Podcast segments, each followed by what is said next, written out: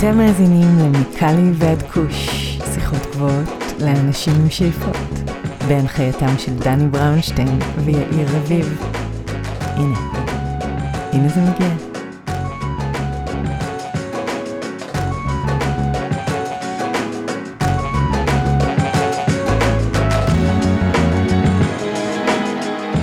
אהלן אהלן, מה קורה יאיר?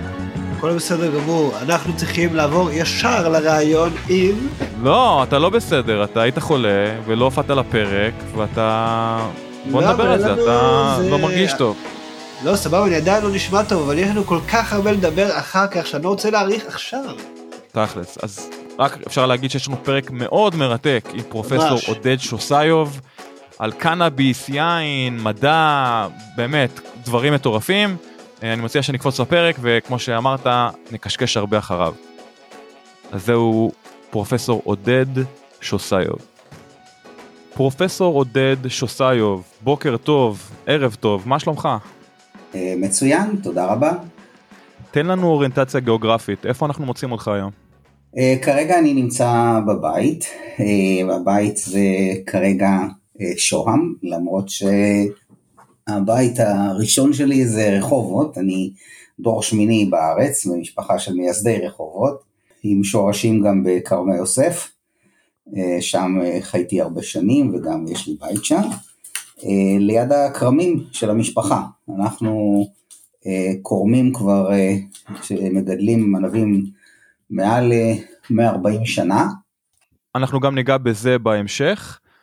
אז אני נמצא כאמור בלוס אנג'לס קליפורניה, ולרוב אני מתחיל את הרעיונות בשאלה קלה. אנחנו בדרך כלל שואלים את האורחים שלנו לספר לנו על הרקע המקצועי שלכם, אני מרגיש שאצלך זה אתגר לא קטן, מאחר והרקע המקצועי שלך הוא די עשיר, מאוד מגוון, וגם כולל אה, לא פחות מ-45 פטנטים או 45 פטנטים שונים.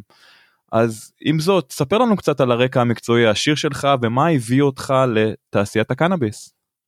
האמת היא שהתחלתי אה, אה, בכלל אה, בכימיה, לאחר מכן עברתי לחקלאות. את הדוקטורט שלי עשיתי על ביוכימיה של ארומה של יין, ואז למעשה עשיתי shift ב- בפוסט דוקטורט שלי, בין 1987 ל-90, הייתי ב-UC דייוויס בקליפורניה, לא רחוק ממך, ושם עשיתי בעצם את הפוסט-דוק שלי בתחום של אה, הנדסת חלבונים וביוטכנולוגיה.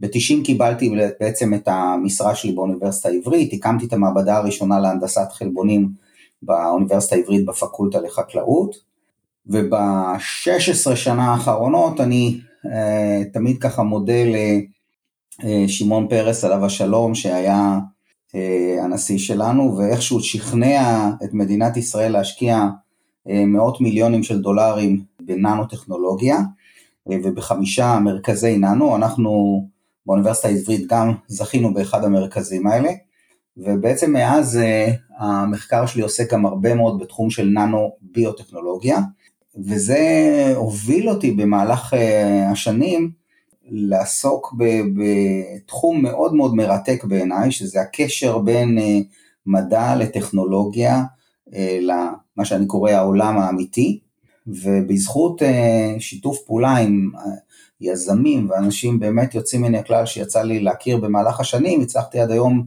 להקים 17 חברות, שזה די רקורד ב- לפחות באוניברסיטה העברית, וואו. אה, ואנחנו לא עוצרים, ממשיכים. אז אני רוצה שנייה שתפרק לי את זה קצת לעומק, מה זה ננו ביוטכנולוגיה? מה אתם בעצם עושים במכון הזה? אז אה, אה, האמת היא שננו טכנולוגיה באופן אה, כללי זה כמובן אותו מדע שעוסק בחומרים בעלי ממדים מאוד מאוד קטנים בממדים ננומטרים. עכשיו ככה לסבר קצת את האוזן מה זה הגודל הזה, אז הסערה שלי זה בערך אה, 100 מיקרון, אם אני לוקח את הסערה ואני פורס אותה ל-100 פרוסות, ואז לוקח פרוסה אחת ופורס אותה לעוד אלף פרוסות, זה ננומטר, אז זה נורא נורא נורא נורא קטן. ומסתבר שלמרות שחוקי הפיזיקה לא באמת משתנים במימ... באף אחד מהמימדים, אבל יש להם משמעות אחרת לחלוטין אה, כשהחומרים מצויים. בגודל הננומטרי. וזה מייצר הרבה מאוד הזדמנויות מאוד מאוד מעניינות, למשל חומר שבדרך כלל אה, כאשר הוא נמצא בבלק הוא אטום לחלוטין לאור, פתאום הופך להיות שקוף. אה, חומרים פתאום הופכים להיות פלורסנטיים, יש להם יכולת חדירה פנטסטית והגעה למקומות שלפני כן לא יכלו להגיע, וכן הלאה וכן הלאה. עכשיו האמת שהננו טכנולוגיה אה, עד לא מזמן, אולי אפילו גם היום חלק יגידו, די נשלט על ידי כימאים אי אורגניים ופיזיקאים, אה, ואני בעצם לפני כ-16 שנה באתי יחד עם מדענים נוספים עם הטיקט של ננו ביוטכנולוגיה, כי בסופו של יום יש עניין מאוד מאוד גדול להשתמש אה, בננו חומרים בעולם הביולוגיה ובוודאי ברפואה. אה, אולי דוגמה אחת ככה טובה לזה זה היכולת לחדור, כלומר אם אנחנו היום אה, לוקחים איזשהו אה, חומר שאנחנו רוצים אה, להוביל אותו ביעילות לגוף האדם כדי שההשפעה שלו תהיה טובה ומהירה ואפקטיבית, אז ההובלה של החומר זה משימה לא פשוטה, השימוש בחלקיקים ננומטרים לצורכי הובלה בעצם מאפשרים להביא את החומרים האלה במהירות גדולה למקומות שהיה מאוד מאוד קשה אה, להוביל עד היום, ומן הסתם זה מתורגם לתכשירים שהם הרבה הרבה יותר יעילים, תרופות הרבה יותר יעילות, אה, ויש כאן עולם שלם שנהנה מה, מהתחום הזה. יפה, אז איך כל זה קשור לתעשיית הקנאביס בעצם? וואו, אז זה אה, קשור מאוד מאוד מאוד, כי בסופו של יום הקנאבינואידים, הטרפנים, כל אותם חומרים שמצויים לנו בשמן הקנאביס, הם אה, מן הסתם אה, פועלים על אה, מערכות ביולוגיות בתוך גוף האדם. אז למשל, אתן לך דוגמה, היום כאשר צרכן של קנאביס רוצה לקבל את האפקט כמה שיותר מהר, לדוגמה חולה פרקינסון שעכשיו נכנס לרעידות וחשוב לו מאוד להפסיק את הרעידות האלה במהירות, הדרך כרגע המהירה ביותר זה בתהליכים של אינהלציה או עישון, מכיוון שהחומר מגיע לריאות ואז מהריאות הוא עובר יחסית מהר מאוד למחזור הדם שלנו ומשפיע אה, עלינו בתוך אה, דקות ספורות. אבל התהליך אה, הזה גם של העישון וגם אידוי הוא לא תמיד תהליך ידידותי למשתמש, עישון בוודאי גם לא בריא, וישנם היום שיטות אה, שבאמצעותם אנחנו מייצרים אה, מאותם שמנים אה, ננו חלקיקים שיכולים להיספג במהירות למשל דרך חלל הפה ובאופן כזה לתת את האפקט בצורה הרבה הרבה יותר מיידית והרבה יותר מהירה. אז זה למשל שימוש אחד, אבל יש כמובן אה, עוד אה, אה, מגוון דברים נוספים. שאלת אותי מה בעצם מביא אותי לעולם הזה, אני עדיין חייב לך תשובה על זה, והאמת היא שזה היה מקרי לחלוטין. אני לא הכרתי את עולם הקנאביס עד לפני 6-7 שנים לחלוטין, מעבר למה שככה קראתי עליו בספרות, ופגשתי חבר טוב שהיה בזמנו למעשה יושב ראש של קבוצת מעברות, ולהם היה עניין להיכנס לתחום הקנאביס הרפואי, והוא ביקש ממני אה, שאני אעשה איזשהו תהליך של דו דיליג'נס אה, על אה, חברה שהם רצו לרכוש אותה או להיכנס איתה בשותפות, ואז התגלה לי באמת עולם מרתק. שבו היה ברור לי כבר אז, כמו גם רבים אחרים, אה, שיש פה איזושהי הזדמנות אה, מאוד מאוד מעניינת לקחת צמח שיש לו באמת אה, השפעות מדהימות על מגוון עצום של מחלות, החל מדלקות פרקים וקרון וכאבים ואפילפסיה ו-you name it, מצד אחד השפעה באמת אה, פנטסטית אה, בהרבה מאוד מקרים, אבל מהצד השני אה, בעיות מאוד מאוד קשות של הדירות. שבהם פעם אחת אנחנו לוקחים תכשיר או פרח ומקבלים אפקט טוב ובפעם אחרת כלום. וזו בהחלט בעיה מאוד מאוד קשה שגרמה לי לפחות להתחיל להתעניין בתחום הזה ובהמשך גם לעסוק בזה גם במחקר וגם בפיתוח של טכנולוגיות שאחת מהן זה בעצם חברה בשם נסוול ש... האמת שזה מוביל אותי לשאלה הבאה אז תן לי לשאול את השאלה ואז תוכל לענות עליה גם. מה זה בעצם נסוול ואילו בעיות אפרופו אתם באים לפתור? אז נסוול היא בעצם חברה שהמטרה שלה היא למעשה לפתור את אחת הבעיות הגדולות ביותר שיש היום בעולם הקנאביס, וזה הבעיה של ה-inconsistency מצד אחד, או החוסר הדירות מצד אחד, ומצד השני זה חוסר הידע שעדיין קיים לנו בחיבור בין הרכב מסוים של אה, אה, שמן קנאביס לאינדיקציה הרפואית. אה, וזו בעיה שהרבה מאוד אה, מדענים בעולם וחברות מנסות להתמוד... מנסים להתמודד איתה. הדרך הקלאסית אה, שכרגע רוב החוקרים והחברות הולכות, זה לנסות לאפיין פעם אחת את ההרכב הכימי בצורה מדויקת של השמן הקנאביס, שמכיל מצד אחד מעל 100 קנבינואידים שונים, אה, עשרות רבות של טרפנים וכמובן עוד הרבה מאוד חומרים אה, נוספים שלכל אחד מהם אה, לחוד וביחד יש השפעות שונות על תהליכים ביוכימיים אצלנו בגוף. ומהצד השני גם חוסר היכולת again and again לספק את אותו התכשיר מה, מהסיבה הפשוטה שהשמנים האלה הם תוצר של למעשה גידול חקלאי.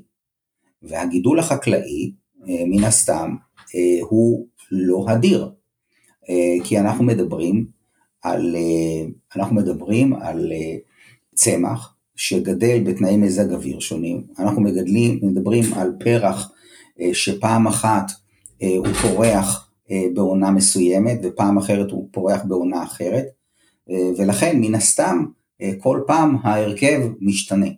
וזו בעיה מאוד מאוד אה, אה, אה, סבוכה, שנסואל למעשה פיתחה טכנולוגיה שאמורה לפתור את האתגר הזה, או להביא פתרון ומזור להרבה מאוד חולים שבאמת מבקשים פעם אחת להבין איזה שמן מתאים להם, ופעם שנייה לדאוג לכך שזה יהיה, הטיפול יהיה הדיר. החברה עצמה למעשה אה, פיתחה שיטה אה, שבאמצעותה אנחנו בוחנים את הפעילות הביוכימית, הביולוגית, שיש לכל אחד מהשמנים אה, שמצויים היום בשוק, ובאופן כזה אנחנו מחברים למעשה בין הפעילות הביולוגית שניתן לבדוק אותה במבחנה, במבחנים מעבדתיים, לבין האינדיקציה הרפואית שעבורם הפעילות הביולוגית, הביוכימית הזאת היא רלוונטית. על ידי אה, למעשה המבחנים הביולוגיים האלה אנחנו מסוגלים לאפיין כל אחד מהשמנים שאנחנו בודקים, ובאמצעות אה, אלגוריתם שפותח בחברה, אנחנו יכולים לבצע התאמה מאוד מאוד טובה ומדויקת בין שמן לבין אינדיקציה רפואית, ובאופן כזה להבטיח גם הדירות וגם יעילות של הטיפול. מה שאני אומר למעשה אה, כבר הוכח, כלומר בניסויים שעשינו אותם אה, יחד עם אה, מעבדות באוניברסיטה העברית בהדסה עין כרם, ולמעשה זו פריצת דרך מאוד מאוד משמעותית, כי בסופו של יום ישנו מצד אחד רצון מאוד מאוד גדול אה, על ידי הרופאים והמטופלים להשתמש בשמנים של קנאביס לאינדיקציות לריפוי של והסרת או, הורדת אה, סימפטומים אם תרצה אה, של מחלות שונות. ומהצד השני כאמור יש פער ידע מאוד מאוד גדול בין מידע שיש לנו לגבי ההרכב הכימי המדויק וההתאמה של כל אחד מהחומרים האלה לאינדיקציה הרפואית. אז קודם כל אני מאוד מתחבר למה שאמרת וזה מאוד חשוב גם הדירות וגם התאמה לאינדיקציה. מה קורה אבל עם התאמה אישית כי בכל זאת ידוע היום שהמערכת האנדו-קנבדואידית שלי לא בהכרח זהה או דומה למערכת שלך או של משתמש אחר. איך אתם מתמודדים עם האתגר הזה? אז קודם כל זו שאלה באמת אה, אה, נהדרת ו, ואני הייתי אומר שלמעשה העתיד הוא באמת במה שאנחנו קוראים personalized medicine והדרך אה, שאנחנו רואים שבאמצעותו אנחנו נוכל להוסיף לאותו אלגוריתם שפותח גם את המימד הפרסונלי, זה על ידי זה שאנחנו בעתיד, אנחנו כרגע עדיין לא עושים את זה, יש אבל התחלה אה, בכיוון.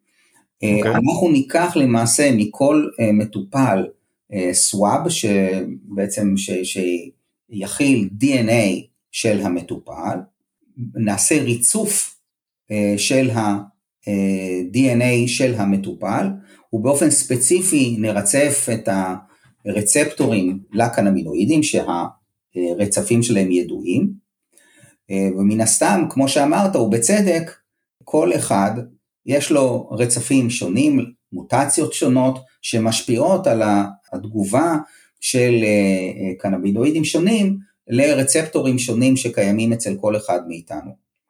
מאותו הרגע שנייצר מספיק דאטה אה, שיחבר בין היעילות של הטיפול של שמנים מסוימים מצד אחד, לרצף הגנטי הספציפי של המטופל מהצד השני, ומהצד השלישי הקשר לפעילות הביוכימית אה, של כל אחד מהשמנים האלה במבחנים הביולוגיים השונים, זה יאפשר לנו אה, בעתיד למעשה לחבר לא רק בין אינדיקציה לשמן, אלא גם בין שמן לאינדיקציה של חולה או מטופל עם רצף גנטי מסוים. וזה בעצם אה, אולי פריצת הדרך החשובה ביותר אה, שכולם מייחלים לה, אה, ואני מאמין שאנחנו נמצאים היום בתקופה שבה הטכנולוגיה לפחות מאפשרת. בהחלט. אגב, בהקשר לשאלה הזאת, באיזה שלב החברה נמצאת בתהליך הזה? זאת אומרת, עוד כמה זמן להערכתך אנחנו נהיה במקום הזה שתוכלו להציע רפואה מותאמת אישית? אז אנחנו למעשה אה, היום מבססים את המבחנים הביולוגיים שלנו, אה, התחלנו כבר ממש בניסויים ראשוניים אה, בארצות הברית עם אחד המוצרים שמיועד לבריאות האישה, ובנוסף לכך אנחנו היום כבר חתמנו הסכם שכרגע עדיין אני לא יכול לומר את שם החברה, אבל זו חברה מאוד מובילה, חברה מובילה בתחום של הקנאביס הרפואי, מתוך כוונה באמת לבצע שיתוף פעולה שילך בדיוק לכיוונים האלה. הערכה שלי שאנחנו נתחיל את הניסויים האלה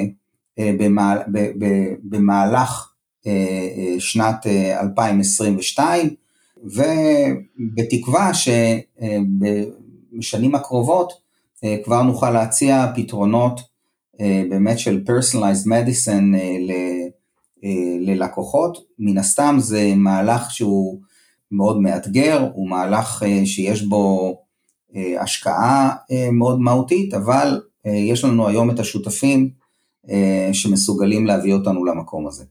מדהים. אגב, אתה יכול לחלוק כמה כסף גייסתם עד היום כחברה?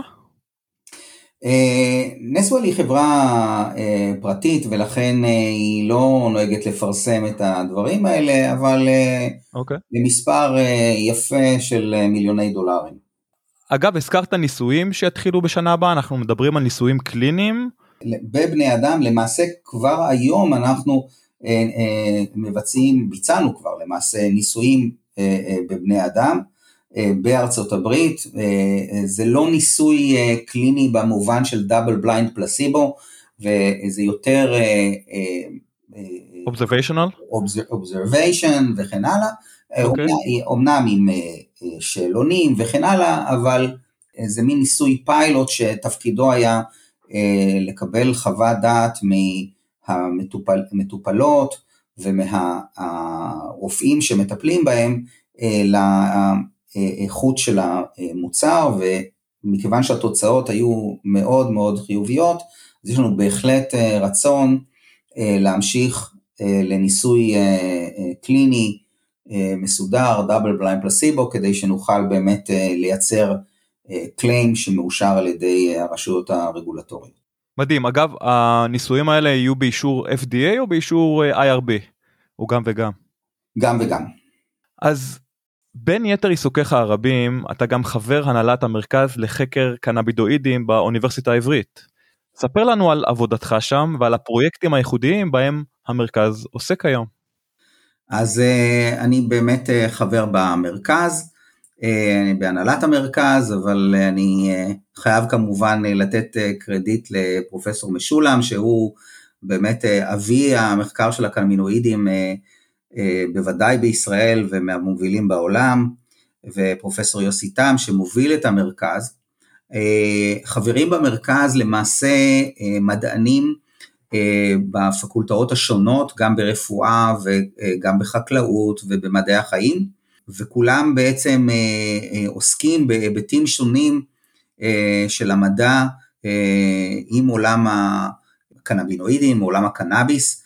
לדוגמה, מחקר אחד שנעשה אצלנו באוניבר... באוניברסיטה העברית, במעבדה שלי, היה מחקר שנוגע לבדיקות לא הרסניות, פיתוח של שיטה לבדיקה לא הרסנית של פרחים של קנאביס בטכנולוגיה של ספקטרוסקופיית ניר אינפרארד, וזה הוביל למעשה לפטנט והקמה של חברה בשם גמה סרט, שהיום יש לה כאלף מכשירים בעולם כולו, בחמישים מדינות, שבהם החל מחקלאים, דיספנסריז, משתמשים סופיים, בתי מרקחת יכולים לקחת פרח של קנאביס, להכניס אותו למכשיר ובתוך כדקה לקבל בדיוק את ההרכב שלו של הקנבינואידים העיקריים, ה-THC, ה-CBD, עכשיו גם CBG, וזה למשל מחקר אחד.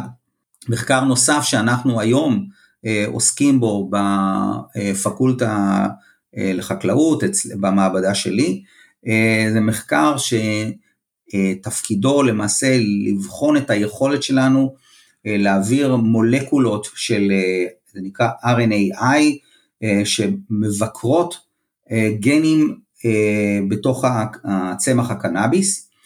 מטרה אחת היא למשל לפגוע בגנים של וירוס שתוקף את הקנאביס, אבל מטרות אחרות זה למשל להתקיל ולבקר גנים שאחראים על התהליכים המטאבוליים שמובילים לייצור של קנאבידואידים שונים ובאופן כזה למשל להשפיע על היכולת של הצמח לסנטז ולייצר קנאבידיונים שונים.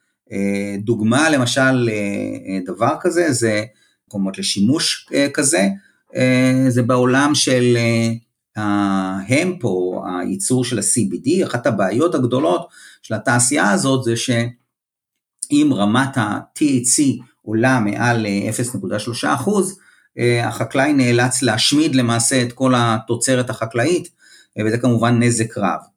אם הייתה לנו את היכולת, וזה מה שאנחנו מנסים לפתח, מהלך של מין, תוכל לדמיין את זה כמו איזה מין טיל מונחה של מולקולת RNA, שתוקפת באופן ספציפי את הגן שמבטא את האנזים שמייצר את ה-THCA, ובאופן כזה להבטיח שהרמה של ה-THCA לא תעלה על ה-0.3% גם אם החקלאי מתעכב בתהליך, בת, בתהליך של, של, של הקטיף.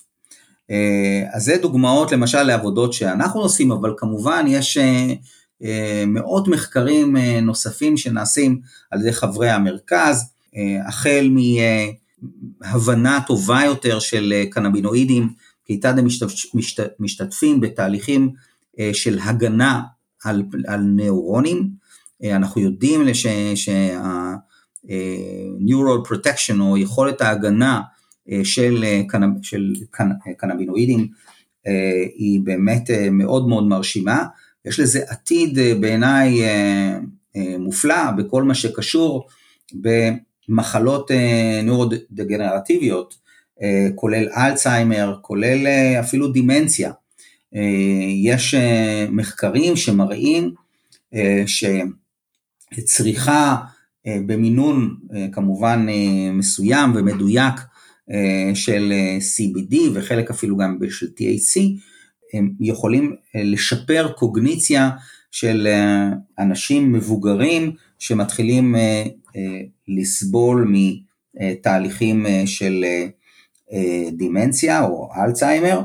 כמובן זה כרגע, מרבית העבודות האלה הן נעשות בניסויים פרה-קליניים, כלומר בבעלי חיים, אבל מן הסתם אין לי ספק שבעתיד הקרוב אנחנו נראה גם ניסויים קליניים בבני אדם, וזה בהחלט אחד הבשורות אולי היותר מעניינות בעיניי של עולם הקנאביס לאוכלוסייה המתבגרת.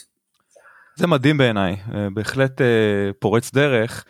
בתחקיר על הרעיון שלנו קראתי עליך שאתה מעדיף או נוטה להיכנס למחקרים שהם יותר יישומיים, זאת אומרת שאפשר בעקבותם יהיה לפתח גם מוצרים כאלו ואחרים לשוק. מכל המאות מחקרים שהזכרת במכון, כמה הם יישומיים יותר או פחות? אין לי באמת סטטיסטיקה אה, לומר לך כמה מתוכם הם באמת אה, יישומיים, אבל אני אגיד לך את הדבר הבא. אה, בזמנו שאלו את אה, פרופסור ברגמן עליו השלום, שהיה אחד הכימאים אה, פורצי הדרך אה, במדינת ישראל, באמת מה, מהמדענים שהובילו בסופו של יום ל, לכל תעשיית הכימיה אה, של מדינת ישראל ב, בימים ההם.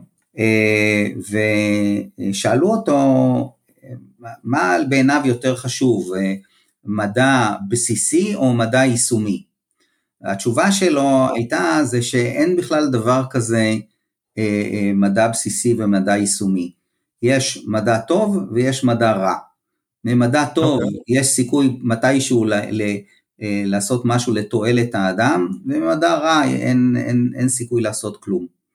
אה, ואני מאוד מאוד מאמין בזה. אני, אני לא אה, חושב שנכון אה, לנו כאנשי אקדמיה לבוא למדען כזה או אחר ולהגיד לו בוא בבקשה תנסה לחקור משהו שיפתור איזושהי בעיה של, שהיא קיימת, אלא ממילא אם המדע יהיה טוב, אז זה יוביל בסופו של יום, אולי לא על ידיו, אבל על ידי מישהו אחר, לאיזשהו אה, פיתוח וטכנולוגיה שהיא תהיה לתועלת האדם. יפה. אז במעבר חד מאוד אני רוצה שנייה לדבר על הקשר הקסום בין יין לקנאביס. אנחנו הולכים בקרוב מאוד להקדיש פרק בנושא שמדבר על אותו קשר, אה, אם זה קשר אה, תרבותי, היסטורי, כימי וכולי. אז מאחר ויין הוא יותר מסתם תחביב בשבילך והוא חלק די מרכזי בחייך, מה המשותף אם בכלל בכימיה של קנאביס ויין? אוקיי, okay, זה קודם כל שאלה פנטסטית ובאמת אה, אה, אין ספק שיש אה, קשר עצום אה, ביניהם והוא בעיקר לא בעולם של הקנבינואידים אלא דווקא אה, בחלק האחר שהם אותם חומרים שנקראים מונוטרפנים. המונוטרפנים למעשה אלו מולקולות של עשרה פחמנים שמצויות אה, בעולם הצמח אה, בצורה מאוד מאוד נרחבת. אה, החומרים האלה מאופיינים בכך שפעם אחת יש להם ארומה, ריח מאוד מאוד מיוחד, בדרך כלל מאוד מאוד נעים. אנחנו מכירים הרבה מהם, זאת אומרת למשל המנטול זה הריח של המנטה, pinene זה הארומה של עץ האורן, geraniol זה הארומה של הגרניום וכן הלאה וכן הלאה. והראו כבר לפני שנים אה, אה, ביין, ביין נעשו המון מחקרים, שההנאה שלנו מהיין היא קודם כל מושפעת בעיקר מאותם חומרי ארומה מיוחדים, אותם טרפנים, שהריכוז שלהם באופן אבסולוטי הוא ריכוז מאוד מאוד קטן, הם מצויים בריכוזים של מיקרוגרמים בליטר, אה, לעומת למשל האתנול או האלכוהול, שהריכוז שלו יכול להגיע גם ל-16 אחוז. זאת אומרת, אתה מדבר yeah. על 160 גרם בליטר, לעומת חומרים שמצויים במיליוניות הגרם, ובכל זאת ההשפעה שלהם היא דרמטית. אותו הדבר בקנאביס. אה, בקנאביס אה, גם הטרפנים מצויים יחסית לחומרים האחרים ברמה יחסית מאוד מאוד נמוכה, אבל יש להם השפעה אה, מאוד מאוד משמעותית על הפיזיולוגיה שלנו, ואנחנו יודעים את זה. אנחנו יודעים את זה מתוך מחקרים שנעשו בטרפנים גם במוצרים אחרים. אני יכול לספר לך למשל על חומר מאוד מעניין שקיים ביין, שנקרא לינלואול, זה טרפן שמצ... שמצוי ביין, והלינלואול אה, הוא בעצם הארומה הדומיננטית אה, בענבי... לבנדר. לא, דווקא של מוסקת. כלומר, הענבי... אבל גם בלבנדר יש אה, לילנול, אני יודע, בריכוזים גבוהים, נכון? בהחלט יכול להיות, אני פחות מכיר בלבנדר, אבל אני יודע בוודאות ביינות מוסקת. עכשיו יש תופעה נורא מעניינת בענבי אה, מוסקת, אה, זה שבעלי חיים פשוט משוגעים על ה... אה, בעיקר חזירים דרך אגב, הם משוגעים על הארומה הזאת, עד כדי כך ששנים רבות ברמת הגולן, כשהיו, היה להם את הכרמים האלה, חזירי בר היו פשוט מחסלים את הענבים לפני שהכורמים הצליחו להגיע לקטיף. ולמה זה? בגלל שזה היה עוזר להם לישון טוב בלילה, או שאולי מסיבות אחרות? אז זה סיבה אחרת והיא די מפתיעה ואני אספר לך אותה. הלינלואול נחקר אה, גם אה, על ידי אה, מדענים בתחומים אחרים, כמו בתחום הקקאו, שהוא משמש כמובן כחומר גלם עיקרי לתעשיית השוקולד. נסטלה עשה על זה הרבה מחקרים והם גילו שיש מתאם מאוד מאוד טוב בין רמת הלינלואול בקקאו לאיכות של השוקולד שאפשר לייצר, זאת אומרת ככל שהרמה הייתה גבוהה יותר, האיכות של השוקולד, הטעם שלו היה אה, משובח יותר בעיני הצרכנים. וכשהם לקחו את, ה, את הלינלואול הזה ובדקו כיצד הוא משפיע על שורות של תאים, של, של, של אה, יונקים, הם מצאו שיש השפעה מרשימה מאוד ומאוד מובהקת על שורה מיוחדת של תאים שנקראים שרירי, תאי השריר החלק. אה, התאי אוקיי. השריר החלק זה התאים למעשה שמקיפים את אה, כלי הדם שלנו, וה linalool גורם להרפייה של, שרירי, של, של השריר החלק, ובאופן כזה משפר בצורה דרמטית את הזרימה של הדם. עכשיו יש וואו. עוד חומר אחד שיודע לעשות את הדבר הזה וכולם מכירים אותו, זה ה nitric oxide שהוא תוצר של ויאגרה. ובעצם בדיוק מה שהלינלאול, מה שהוא עושה, הוא גורם למעשה לאירקשן, הוא גורם לזקפה אצל החזירים, וגורם לכך שההנאה שלהם מה, מהסקס היא פשוט אה, מאוד מאוד גבוהה. אגב, לינלול קיים גם אה, בעוד צמח מאוד מעניין שנקרא אילנג אילנג, שזה פרח האהבה של אה, תאילנד, זה הפרח הלאומי, ו ylang ylang משמש הרבה מאוד ב aphrodisiacs ו aromatherapy, זאת אומרת הקשר הזה בין התחושות שלנו וממש הפיזיולוגיה שלנו של בני האדם לאותם טרפנים שמצויים כאמור גם ביין אבל גם בקנאביס הוא מאוד מאוד ברור. ואיך בדיוק הם uh, משפיעים למשל על היעילות אה, או חוסר היעילות אה, פעם אחרת של הקנבינואידים במערכת הקנבינואידית, זה עדיין לא יודעים, אבל אני מניח שזה תחום שיחקרו אותו עוד הרבה בשנים הקרובות. אז תרבות הקנאביס מתקדמת בקצב אדיר, מצד שני המדע שמנסה לפענח את הצמח המורכב הזה, ובכל זאת מהם האתגרים המדעיים בפענוח הצמח, דיברנו על חוסר אדירות כ- כאתגר אחד, ואילו המצאות חדשות אנחנו צפויים לראות בשנים הקרובות בתחום הקנאביס, אם זה לשימוש רפואי או לשימוש פנאי? בעצם אם תסתכל על צמח הקנאביס זה כמו לצורך העניין איזושהי תיבה שמלאה באוצרות שייקח עוד הרבה זמן לנסות ולפענח אותם. מה זה הרבה זמן? בעולם המדע אני לא נוהג להתבטא מעבר לחמש שנים, כי כל הזמן יש פריצות דרך טכנולוגיות שגורמות לכך שמשהו שחשבנו שבעבר ייקח 20 שנה, פתאום לוקח שלוש או ארבע שנים.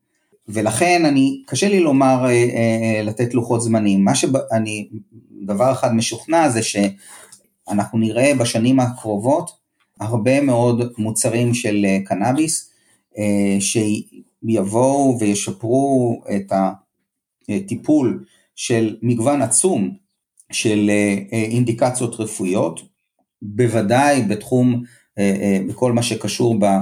Neurodegenerative Disease למיניהם, זאת אומרת אותן מחלות נאורודגנרטיביות, זה בוודאות, אה, בכמעט בכל דבר, בכל אינדיקציה רפואית שיש בה כסימפטום כאב, בין אם הכאב הזה נובע אה, מהתכווצות אה, של שריר או נובע מתהליך דלקתי או, או, או, או מאיזשהו תהליך נוירולוגי, צריך לזכור שרוב האנשים אה, כאשר הם הולכים אה, לרופא, הם לא בהכרח, בהכרח הולכים כי הם חולים במשהו, הם הולכים כי כואב להם משהו. והיכולת וה, של אה, קנאביס להתמודד עם, עם סוגי כאב שונים, היא דבר שאין עליו היום עוררין, ולכן אין לי ספק שאנחנו נראה יותר ויותר התאמה של קנאביס לאינדיקציות שאולי היום עדיין לא מטופלות בקנאביס. יפה האמת שאני רוצה שנייה לחזור לשאלה הקודמת שהשוויתי יין וקנאביס אני יכול להגיד לפחות מה איך שאני רואה את זה גם כמשתמש גם כבעלים של חברה שמתעסקת בתחום. אגב אני בעצמי גם חובב יין תמיד אמרתי שביין אה, אתה צריך איך מאוד מאוד מפותח ואימון בשביל להבחין אה, בין ההבדלים היחסית מינוריים אתה, אתה אמרת שהם מינוריים מבחינת הכמויות של אותם טרפנים. לכן. צריך להיות באמת אה, בעל מקצוע בשביל אה, א' להעריך יין טוב וב' גם להבין את ההבדלים בין אה, יין כזה או אחר. אני מרגיש שבקנאביס המצב הוא קצת יותר ידידותי למשתמש אה, כל עוד באמת המוצרים הם באיכות טובה כי הכמות טרפנים שנמצאים בכל זן מקנים גם למשתמשים יחסית לא מאוד אה, אה נקרא לזה אה, ותיקים להבין את ההבדלים בטרפנים ובארומה שכל זן אה, מביא איתו. וכאמור הארומות מאוד שונות מזן לזן אז אני חושב שדווקא בקנאביס אה, צריך איך יחסית פחות מפותח בשביל להבין את, את אותם הבדלים שאני מדבר עליהם. מה דעתך? אני, אני, מסכים איתך, אני מסכים איתך לחלוטין, אני חושב שבאמת ההבדלים אה, בארומה שנובעים מאותם טרפנים אה, בזנים שונים של אה, קנאביס הם לאין שיעור הרבה יותר דרמטיים מההבדלים שיש למשל בין אה, אה, קברנה סוביניון, מרלו, פטי ורדו ושירז. בדיוק, בדיוק. אה, ולכן okay. אוקיי. הרבה הרבה יותר קל אה, להתחבר מצד אחד או להידחות מצד שני אה, לזן כזה או אחר של קנאביס על ידי אה, צרכנים.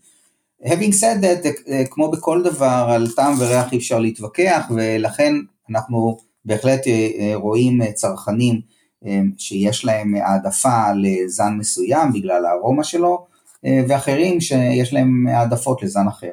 נושא מעניין שכאמור אנחנו נמשיך לחקור עם האורח ניר פלטר שהוא במקרה גם בעלים של יקב וגם בעלים של חברת קנאביס ואני חושב שהקשר בין יין ל... יצרן של יין נהדר בעיניי. ברשותך אני רוצה לעבור לכמה שאלות אישיות. בבקשה. אפרופו יין, איזה יין אהוב עליך במיוחד ולמה? אז האמת היא שהיין אה, אה, שהכי אהוב עליי אה, בשנים האחרונות, כי זה משהו שככה מתפתח, זה דווקא יין שלא מקובל לייצר אותו כיין זני, אבל אנחנו אצלנו ביקב בשנים האחרונות מייצרים אותו כן כיין זני, וזה זן שנקרא פטי ורדו. הפטי ורדו אה, הוא בעצם זן שמשתמשים בו בתעשיית היין בעיקר כזן שנותן טיבול, שנותן אה, צבע. יותר לבלנדים אתה אומר, פחות ל... נכון, אוקיי, נכון. המובהקים, אוקיי. אבל אני, אני, לא רק אני, אנחנו ביקב אצלנו אה, בכרמי יוסף גילינו שלפחות אה, בכרם שלנו ובאזור שלנו היין הזה כשלעצמו אפילו כמאה אחוז אה, פטי ורדו נקי הוא יין באמת נפלא, כלומר הוא יין שמאוד מאוד מתאים ל, לאנשים שמצד אחד אוהבים יין מורכב שיש בו אה, הרבה מאוד אה, אה, ארומות מסוגים שונים, כלומר אתה יכול ליהנות מהיין הזה לאורך המון המון המון זמן, הוא לעולם לא ישעמם אותך. ו- ו- ולכן אני היום לפחות אה, אה, אה, מעדיף אותו. אה, זה, זה לא אומר שאני לא נהנה מיינות אחרים, אני נהנה מכל המגוון, אני מאוד אוהב סומביניון בלאן, אני מאוד אוהב שרדונה בלבנים, אני מאוד מאוד מאוד אוהב מלבק, שזה זן בעיניי אה, מופלא שלא מספיק אה, מגדלים אותו בישראל. אגב, יש מישהו בישראל שמגדל אה, זינפנדל? כן, בהחלט, יש מגדלים בישראל זינפנדל, לא יותר מדי, אגב, אני לא יודע אם זה יחדש לך, אבל זינפנדל זה בעצם גנטית זן שנקרא פרימיטיבו, שמגדלים אותו הרבה באיטליה, והוא בעיניי גם זן נהדר. מאיזושהי סיבה לא מגדלים אותו הרבה בישראל, אבל כן, בהחלט מגדלים. אגב, אותה שאלה, יש איזה זן קנאביס מיוחד, או איזה ארומה של זן קנאביס שאתה מעריך, אם זה בגלל היכולות הרפואיות של, אותה, של אותם טרפנים, או בגלל שאתה מאוד אוהב את הארומה הזאת? למען האמת, אני אפילו לא יודע לענות על התשובה, על השאלה הזאת, מהסיבה הפשוטה שאחד, אני ברמה האישית לא משתמש, אני, okay. רק, אני רק חוקר, ושנית, האינטראקציה שיש לי עם uh, קנאביס היא בעיקר uh, עם שמנים ופחות עם פרחים.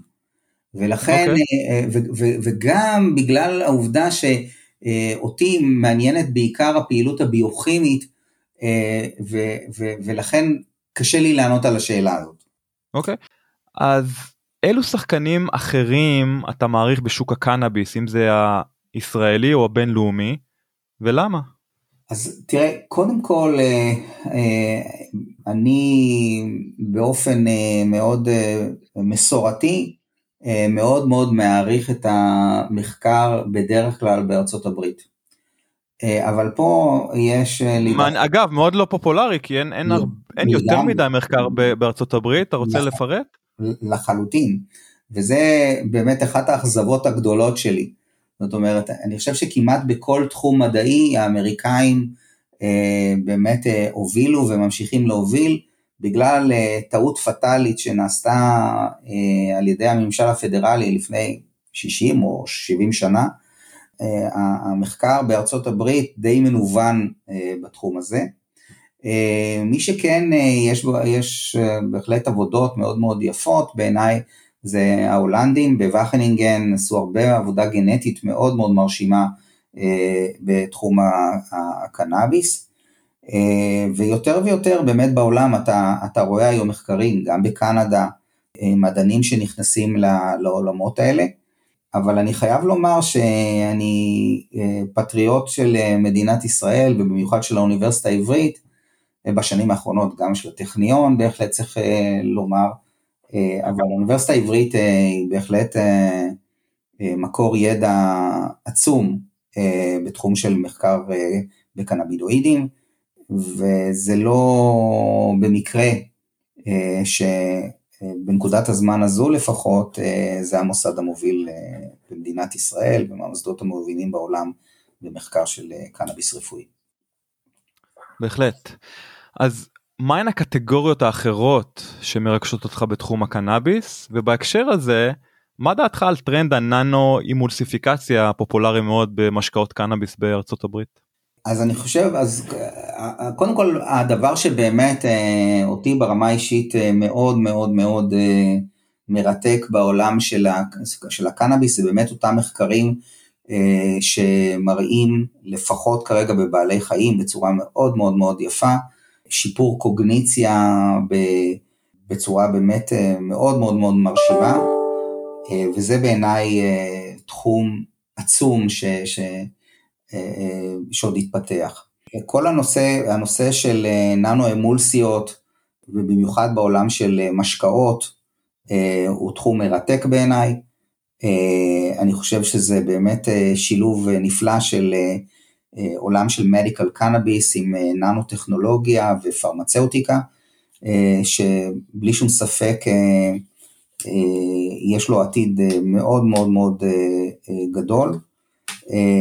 וכן, בהחלט, אני, אני, אני רואה בעתיד הקרוב שאנחנו נוכל לראות במוצרי צריכה בעולם כולו, החל ממשקאות, ואני מדבר בעולם כולו, לאו דווקא, כמובן היום רואים את זה גם בארצות הברית, אתה יודע, באותן מדינות ש, שזה מותר, אבל אה, עד שלא באמת אה, יהיה הסדרה אה, בינלאומית של הקנאביס, ולא רק מוצרי CBD, אז עוד בטח ייקח קצת זמן, אבל אין לי ספק שיש פה פוטנציאל עצום, כי היום הרבה מאוד צרכנים, כשהם צורכים משקה, יש להם עוד מטרות מעבר. להרוות את הצמאון שלהם, הם רוצים אה, או אנרגיה או יכולת אה, שיפור בריכוז או רילקסציה או כל דבר אחר, אה, שעולם הקנאביס מאפשר באמת פעילויות מאוד מאוד מאוד, השפעות מאוד מאוד מיטיבות עם הצרכנים.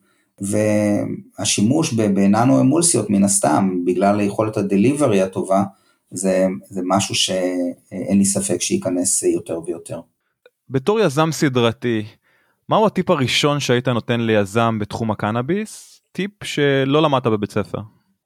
אז באמת, אה, זה מעניין שאתה שואל את השאלה הזאת, כי אה, אני נוהג לומר שהדבר הכי חשוב שיזם צריך לעשות זה להשקיע כמה שיותר זמן בלנסות ולהבין אה, צורך אמיתי. אה, ולאו דווקא להתלהב מטכנולוגיה או מאיזושהי תגלית שהוא עשה או מישהו אחר עשה. אה, בסופו של יום המפתח העיקרי להצלחה הוא באמת היכולת לענות על מה שאנחנו קוראים real unmet need. וברגע שאתה מזהה באמת צורך אמיתי, יש לך פחות או יותר 80 אחוז אה, מהדרך להצלחה. כי אה, אה, מאותו הרגע, לא בטוח שזה אתה תעשה את זה, יכול להיות שתצטרך להיעזר במישהו אחר ש, שיסייע לך, אבל תהיה מוטיבציה מצד גם הרבה אנשים וגם משקיעים לפתור את אותו צורך אמיתי. יפה. אחלה עצה אגב, כי אני מרגיש שהרבה מאוד חברות קנאביס פשוט מפתחות מוצרים בלי להבין אם באמת יש להם דרישה בשוק אם זה מצד המטופלים או מצד צרכני הפנאי אז אחלה נקודה. מוזיקה וקנאביס הוא שילוב מושלם בעיניי. שניהם אלמנטים מרפאים אלמנטים רוחניים שמחברים בין אנשים כבר אלפי שנים. אז עם או בלי קשר לקנאביס מהם האמנים האהובים עליך שהשפיעו על חייך ועל מי שאתה היום. וואו שאלה באמת אה, אז קודם כל, אני עצמי אמ, באמת אה, גדלתי בבית אה, שמאוד אהבו בו מוזיקה וניגנתי הרבה שנים על אה, פסנתר ועוד כלים. אז מוזיקה בעיניי זה באמת אחד הדברים המרגשים ביותר. אם יש משהו שיכול לגרום לי לדמעות ב-no time זה מוזיקה. כנ"ל. וזה באמת נע בספקטרום מאוד מאוד רחב של החל ממוזיקה אה, אה, קלאסית, אה, ש, שמאוד מאוד מרגשת אותי, החל ממוצרט ושטראוס במיוחד. Okay. אוקיי. ועובר באמת באומנים ישראלים כמו מתי כספי, אה, יוני רכטר, שאני פשוט אה, מוקסם מה, מהגאונות שלהם. אה, וכמו כולם, אני יודע שזה בנאלי, אבל הביטלס, זאת אומרת, אין כמו הביטלס. לא בנאלי בכלל, אני חייב להגיד, ואני גם אחד המעריצים. בכל זאת, מדובר בלהקה חד פעמית ששינתה את ההיסטוריה, אז ההפך מבנאלי מבחינתי. כן. יפה אז באמת טעם מאוד אקלקטי אתה גם מאזין למוזיקה חדשה שיוצאת בישראל או במקומות אחרים בעולם? אני לא מחפש מוזיקה אבל מכיוון שיש לי חברים שהם מוזיקאים אז יוצא לי באמת לשמוע לעיתים. יש לי חבר ממש ממש טוב שהוא באמת בחור שם תומר קלינג שהוא אחד הפסנתרנים בעיניי הכי טובים במדינת ישראל והוא תמיד דואג ככה לעדכן אותי בדברים חדשים ובעיניי מוזיקה זה באמת אחד הדברים שאי אפשר בלעדיו לחיות חיים בריאים. מסכים לחלוטין. אין גם, אין גם סיבה לחיות בלי מוזיקה אני חושב. נכון, נכון. אז דיברנו על מוזיקה ועל כמה ששנינו אוהבים את זה ובכל זאת מה אתה אוהב לעשות בחיים מעבר ליין למוזיקה למדע וליזמות. אני לא יודע כמה זמן נשאר לך אבל אה, בכל זאת מה מה אתה אוהב לעשות? אה, אז יש כמה דברים שאני מאוד מאוד מאוד אוהב וזה ספורט זה משהו שמלווה אותי קודם כל אה, גם בילדות שיחקתי ככה עד גיל מבוגר אפילו כדוריד אבל בגיל 30 פחות או יותר הגעתי למסקנה ש... הגוף שלי כבר לא עומד אה, במכות אה, ובאלימות של המשחק המדהים הזה. אז okay. אה, עברתי אוקיי. לסוגי ספורט אחרים, אני רוכב על אופני הרים יחד עם רעייתי, אנחנו מאוד מאוד אוהבים לרכב, אנחנו כל שנה גם ממש דואגים ממש לנסוע לחו"ל ולעשות שבוע שלם של רכיבה על אופניים חוצים מדינות ממזרח למערב, מצפון לדרום. אה, וסקי, סקי זה גם כן אחד האהבות הגדולות שלי, אה, זה משהו שאני עושה כבר הרבה שנים עם הילדים שלי, ואנחנו מאוד מאוד אוהבים את, ה, את הספורט הזה, ואני רק מתפלל שהגוף שלי ימשיך להחזיק מעמד. אני לא יודע אם יש קשר בין אהבה לקנאביס ולספורט, אבל רק לאחרונה קראתי מחקר, הראנרס היי מאוד דומה מבחינה כימיקלית במוח, להיי שאנחנו מקבלים מקנאביס. אז uh, האם זה נכון או לא אנחנו נצטרך כנראה לחקור ולהתעמק בזה עוד קצת אבל אני חושב שיש הרבה מאוד קשר uh, לפחות uh, קשר רוחני בין קנאביס וריצה לפחות אני אני מרגיש שהקשר הזה קיים אצלי כמשתמש. כן. כן. אני, מדהים. אני, אני חושב כן. שאתה צודק אני אני חושב שיש יש ידע על שחרור של אנדורפינים אה, גם בריצה וגם אה, כמובן בהיי מסוג אחר, וסביר אה, להניח שזה מנגנון דומה. יפה, אז האמת שיש לי רק שאלה אחת, בהקשר למה שדיברת, דיברנו על דמנציה ואלצהיימר בהקשר של קנאביס, ואיך קנאביס יכול אולי לעזור בטיפול של במחלות האלו. האם יש לך ידע כלשהו בנושא פסילוסיבין ופטריות בהקשר של טיפול בדמנציה? לא, אין לי, אין לי ידע בתחום, אני אה, קורא כמו אחרים אה, על אה, אותם באמת חומרים שהיום באמת מתחילים להיות מחקרים שמעידים על כך שהם עשויים לסייע במגוון של מחלות, בעיקר מחלות נפש. Yeah. אני חושב שמאוד מאוד חשוב, במיוחד אה, בתחומים האלה, אה, להעמיק במחקר ולנסות ולהבין באמת את הפוטנציאל הגדול שיש אה, לעולם הטבע שיש מסביבנו, לסייע לנו בריפוי, בחיים טובים יותר. ואני שמח על כך שלפחות בחלק מהמדינות הרשויות היום אה, מאפשרות לבצע את המחקרים האלה. פרופסור עודד שוסיוב אני מרגיש שיש לנו המון מה לדבר ושגירדנו ממש את uh, uh, קצהו של הקרחון בנושא קנאביס, מדע, חקלאות, הקשר ליין וכולי, אני מרגיש שיש פה כל כך הרבה נושאים מעניינים שנוכל להרחיב בעתיד, אז אני יותר מאשמח להזמין אותך שוב לתוכנית שלנו ולדבר על כמה נושאים שלא הספקנו לגעת בהם היום. מה אתה אומר? ראשית, אה, תודה רבה, אני גם מאוד מאוד אה, נהניתי אה, להתראיין אצלך, וכמובן שאני אשמח להיפגש בעתיד ולדון ביחד על נושאים נוספים. מעולה אז לפני שאנחנו נפרדים איך אפשר לעקוב אחריך במרשתת ואחרי כל הפרויקטים המטורפים שאתה מעורב בהם. אז קודם כל יש את ה website של המעבדה שלי באוניברסיטה העברית שזה מקור אחד אה, מאוד נוח. פשוט להיכנס לאוניברסיטה העברית תחת השם שלי עודד שוסיו ולהגיע ל website של המעבדה אה, שהוא גם מתעדכן גם בעבודות מחקר שלנו, במאמרים, והסטודנטים שכל הזמן אה, מייצרים אה, מדע מרתק. וגם מדי פעם כשאני נותן הרצאות יותר פופולריות כמו במסגרת של TED ואחרים, אז הרבה פעמים איזה, אנחנו נותנים כישורים באתר. ואני תמיד אומר ש... אם מישהו רוצה introduction לעודד שוסיוב, אז הדבר הטוב ביותר זה לכתוב אה, עודד שוסיוב TED, אה, ויש שם הרצאה שב-12 דקות, באיזשהו אורח פלא, אני מצליח אה, לדבר על לא מעט נושאים שחקרתי אותם יחד עם התלמידים שלי במשך הרבה מאוד שנים, ועם מדענים שאיתם הקמנו גם חברות. זה, זה מדיה מרתקת, מלמדת איך אפשר באמת בפרק זמן מאוד מאוד קצר להעביר המון המון אינפורמציה בצורה יעילה. מדהים, אז אנחנו קודם כל נוסיף את, ה... את אותה הרצאה שנתת בטד לבלוג של הפרק, ונמשיך לעקוב אחרי הפרויקטים אה, המעניינים שאתה עוסק בהם.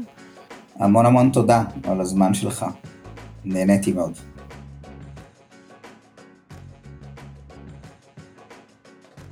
אוקיי, אז זה היה פרופסור עודד שוסיוב עם עוד שיחה מאוד מרתקת שאתה לא היית בה כי היית חולה יאיר איך אתה מרגיש קודם כל? אני עדיין משתעל ואתם שומעים בטח בקול שלי שאני גם עדיין קצת congested uh, זה המונח. האם אה, האומיקרון הגיע גם אליך יאיר? אה לא הלוואי הלוואי חבל שלא מה הייתי עכשיו מקבל את התו הירוק הזה יודע איזה חצי שנה בכיף אבל לא זה סתם שפעת יש פה כולם עם שפעת עכשיו. הבנתי. קשה, קשה. אז... עזוב את הבריאות שלי. אתה יכול להסביר, אתה עכשיו שומע בן אדם כזה, כמו שוסייר, ואתה לא שואל את עצמך, מה אני עשיתי בחיים האלה לכל הרוחות? חד משמעית, חד משמעית. הבן אדם טס במהירות מטורפת, כאילו בין מפטנט לפטנט, מחברה לחברה, כאילו כמו טרזן של הפטנטים. תשמע, בזמן שהוא עושה את זה, אנשים צריכים לשבת פה ולעשן ווין. כי מה כל זה שווה אם אין צרכן בקצה? אנחנו בעצם מניעים את ההליך קדימה. לגמרי ומה שריתק אותי בו זה שהוא באמת גם באישיות שלו הביא גם את הגישה המדעית מחקרית רפואית וכל מה שקשור לנסוול ולפטנטים שלו ולמה שהוא חקר וחוקר כרגע עם אה, אה, משולם ואוניברסיטת בר אילן ומצד שני יש לו את הצד הזה של היין והטעמים והטרואר זאת אומרת מאוד אוהב את החיבור הזה בין אה, מדע ואומנות וככה הרגשתי בשיחה איתו, שאני מדבר גם עם אה, אומן וגם עם מדען. מה אתה אומר? כן, מעניין כמה מזה... כמה מזה חופף, כאילו כמה מהסקילסט המדעי בעצם בא לידי ביטוי באיך שהוא עושה את היין שלו, יש פה הליך של שיפור מתמיד. אני אומר לך משהו, אני לא מבין כלום ביין, כלום. אני אפילו לא מבין וואלה. למה אנשים חושבים שזה טעים. יש לי טעם okay. של אוקיי. ילד באלכוהול.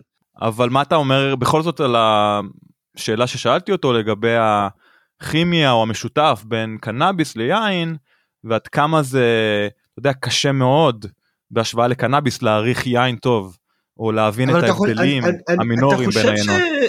אבל אני, אני לא בטוח שזה באמת יותר קל כמו שאתם חושבים אני שוב אני לא יכול להתייחס ליין אבל גם בקנאביס הרוב העצוב של האנשים לא נכנס ל, לרזולוציות שענין טעם בקנאביס נכנס אליהם.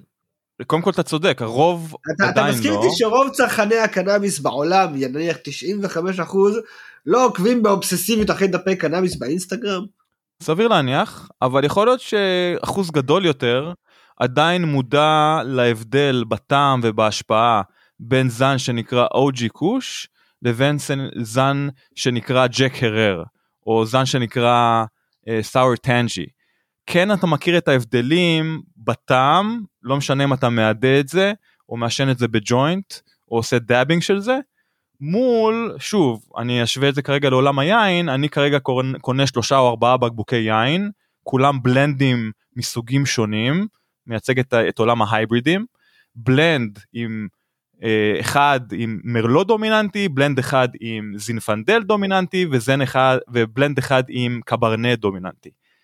סביר להניח שאני לא אוכל לנחש באיזה בלנד מדובר. אה, אז, וואלה. אז כן, אז גם אני לא חושב... שנייה, אבל אתה פעם למדת את הנושא?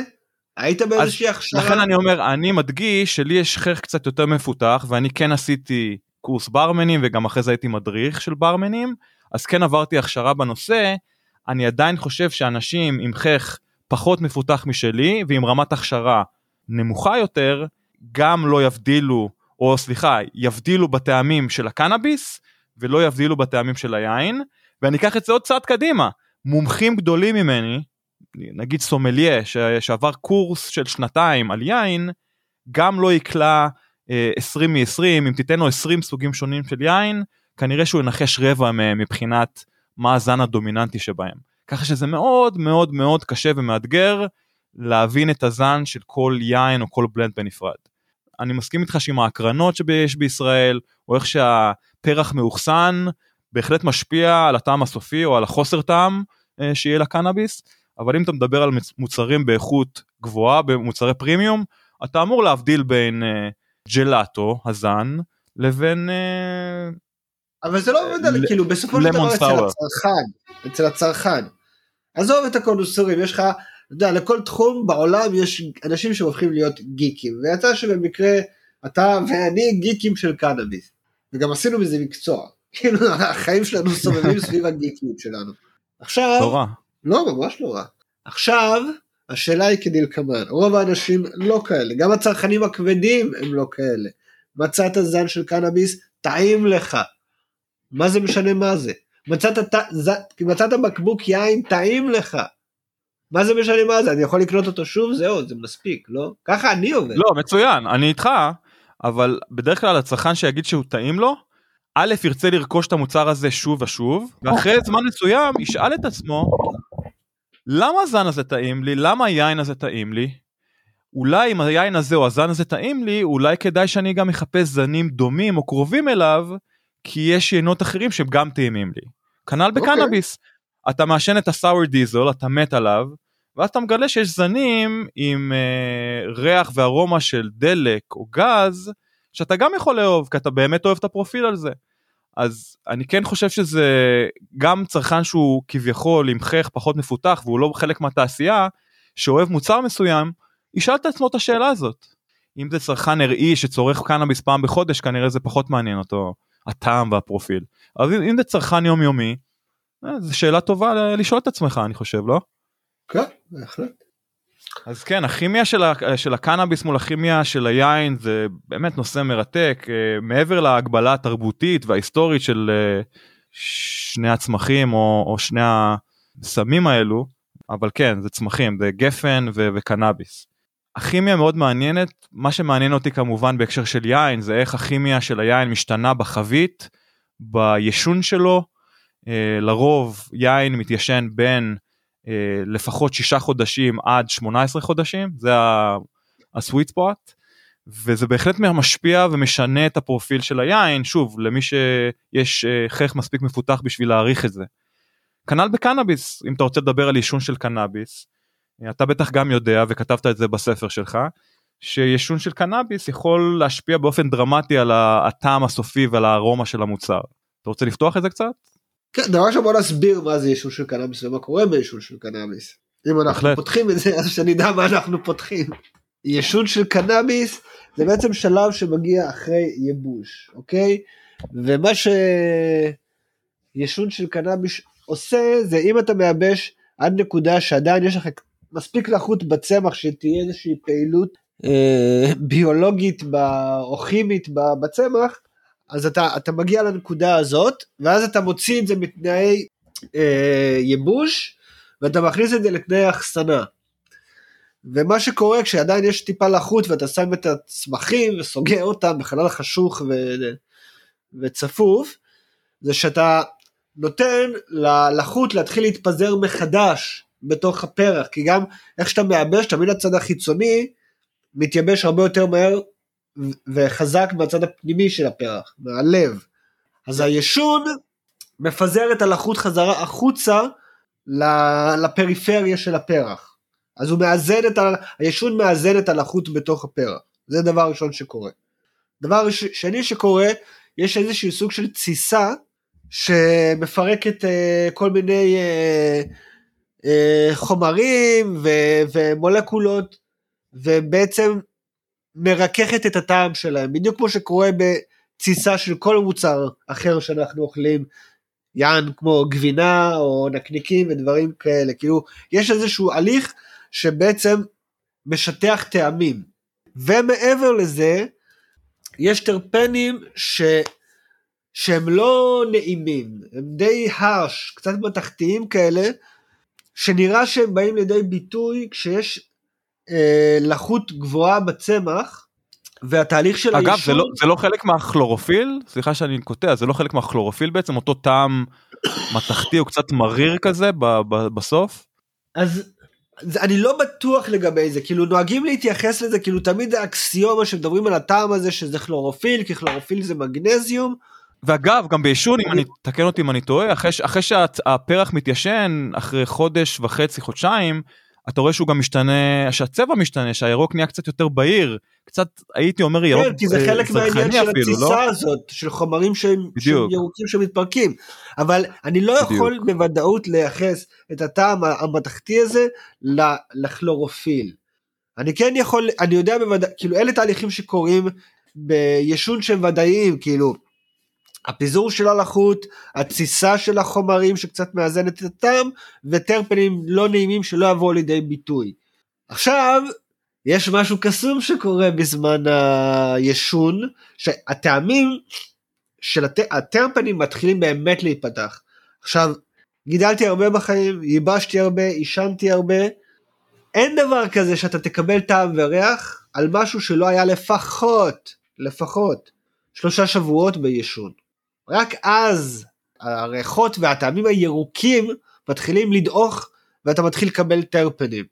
בלי קשר לאיכות הגידול, זאת אומרת גם אם זה גידול מדהים מול גידול אה, נקרא לזה באיכות פחות טובה. יש לך, אתה, גם כשאתה תבוא לפרח החי ואתה תריח אותו ואתה מקבל ריח מדהים, אתה יודע שיש סטייה רצינית שקורית לריח הזה בתהליך של הייבוש והעישון. באיזשהו. שלב בייבוש, הריחות הופכים להיות קצת לא נעימים, ובפרח עם טרפנים משוגעים זה פחות יבוא לידי ביטוי, אבל בגידול בינוני אתה מאוד מרגיש את זה, שאתה חייב לעבור את הפאזה הזאת ב- בייבוש ובעישון, כדי להתחיל לקבל ריח טוב בחזרה. מעניין. מצד שני יש את כל האספקט הכלכלי ויש פה שני בעצם וקטורים שפועלים לרעת אה, חברות הקנאביס הישראליות או הקליפורניות. א', לכולם. זה שלוקח הרבה זמן ל- ליישן, אמ, דיברנו על תקופה של שלושה שבועות, לרוב זה בין שלושה שבועות לשלושה ארבעה חודשים, אה, אפשר גם יותר אבל אני לא מכיר אה, הרבה אנשים שעשו, שעושים את זה, אז כן זו תקופה ארוכה ומאתגרת, ושנית, לא יודע אם ציינת את זה בדברים שלך, אבל תוך כדי התהליך עצמו, הפרח מאבד קצת ממשקלו, בגלל שכאמור הלחות מתאדה. אז פרח ששקל X, אה, שוקל X פחות אה, הלחות שבאמת הלכה לאיבוד אה, באותו תהליך ישון. אז גם החברה מקבלת פחות במשקל הנקי של המוצר, וגם היא צריכה לחכות אה, מספר שבועות עד מספר חודשים שהוא יהיה מוכן. האם יש חברת קנאביס בישראל שמיישנת פרחים כמו שצריך ליישן? דיברנו על תקופה של שלושה שבועות מינימום, אה, אידיאלית חודשיים שלושה, האם יש חברה שעושה את זה בפועל? חברות בישראל מיישנות, היישון חייב להיעשות לפני ההקרנה. כי אחרי ההקרנה באמת שאין טעם ליישן. ויש מצב שישון טוב גם עוזר לך בהקרנה עצמה. מצד שני, יש לך פה עוד וקטור שעובד לטובת, נגד החברות, זה שבגלל שאתה יושב יותר זמן, אתה גם לוקח יותר סיכון עם אה, זיהום אה, מיקרו על הפרחים.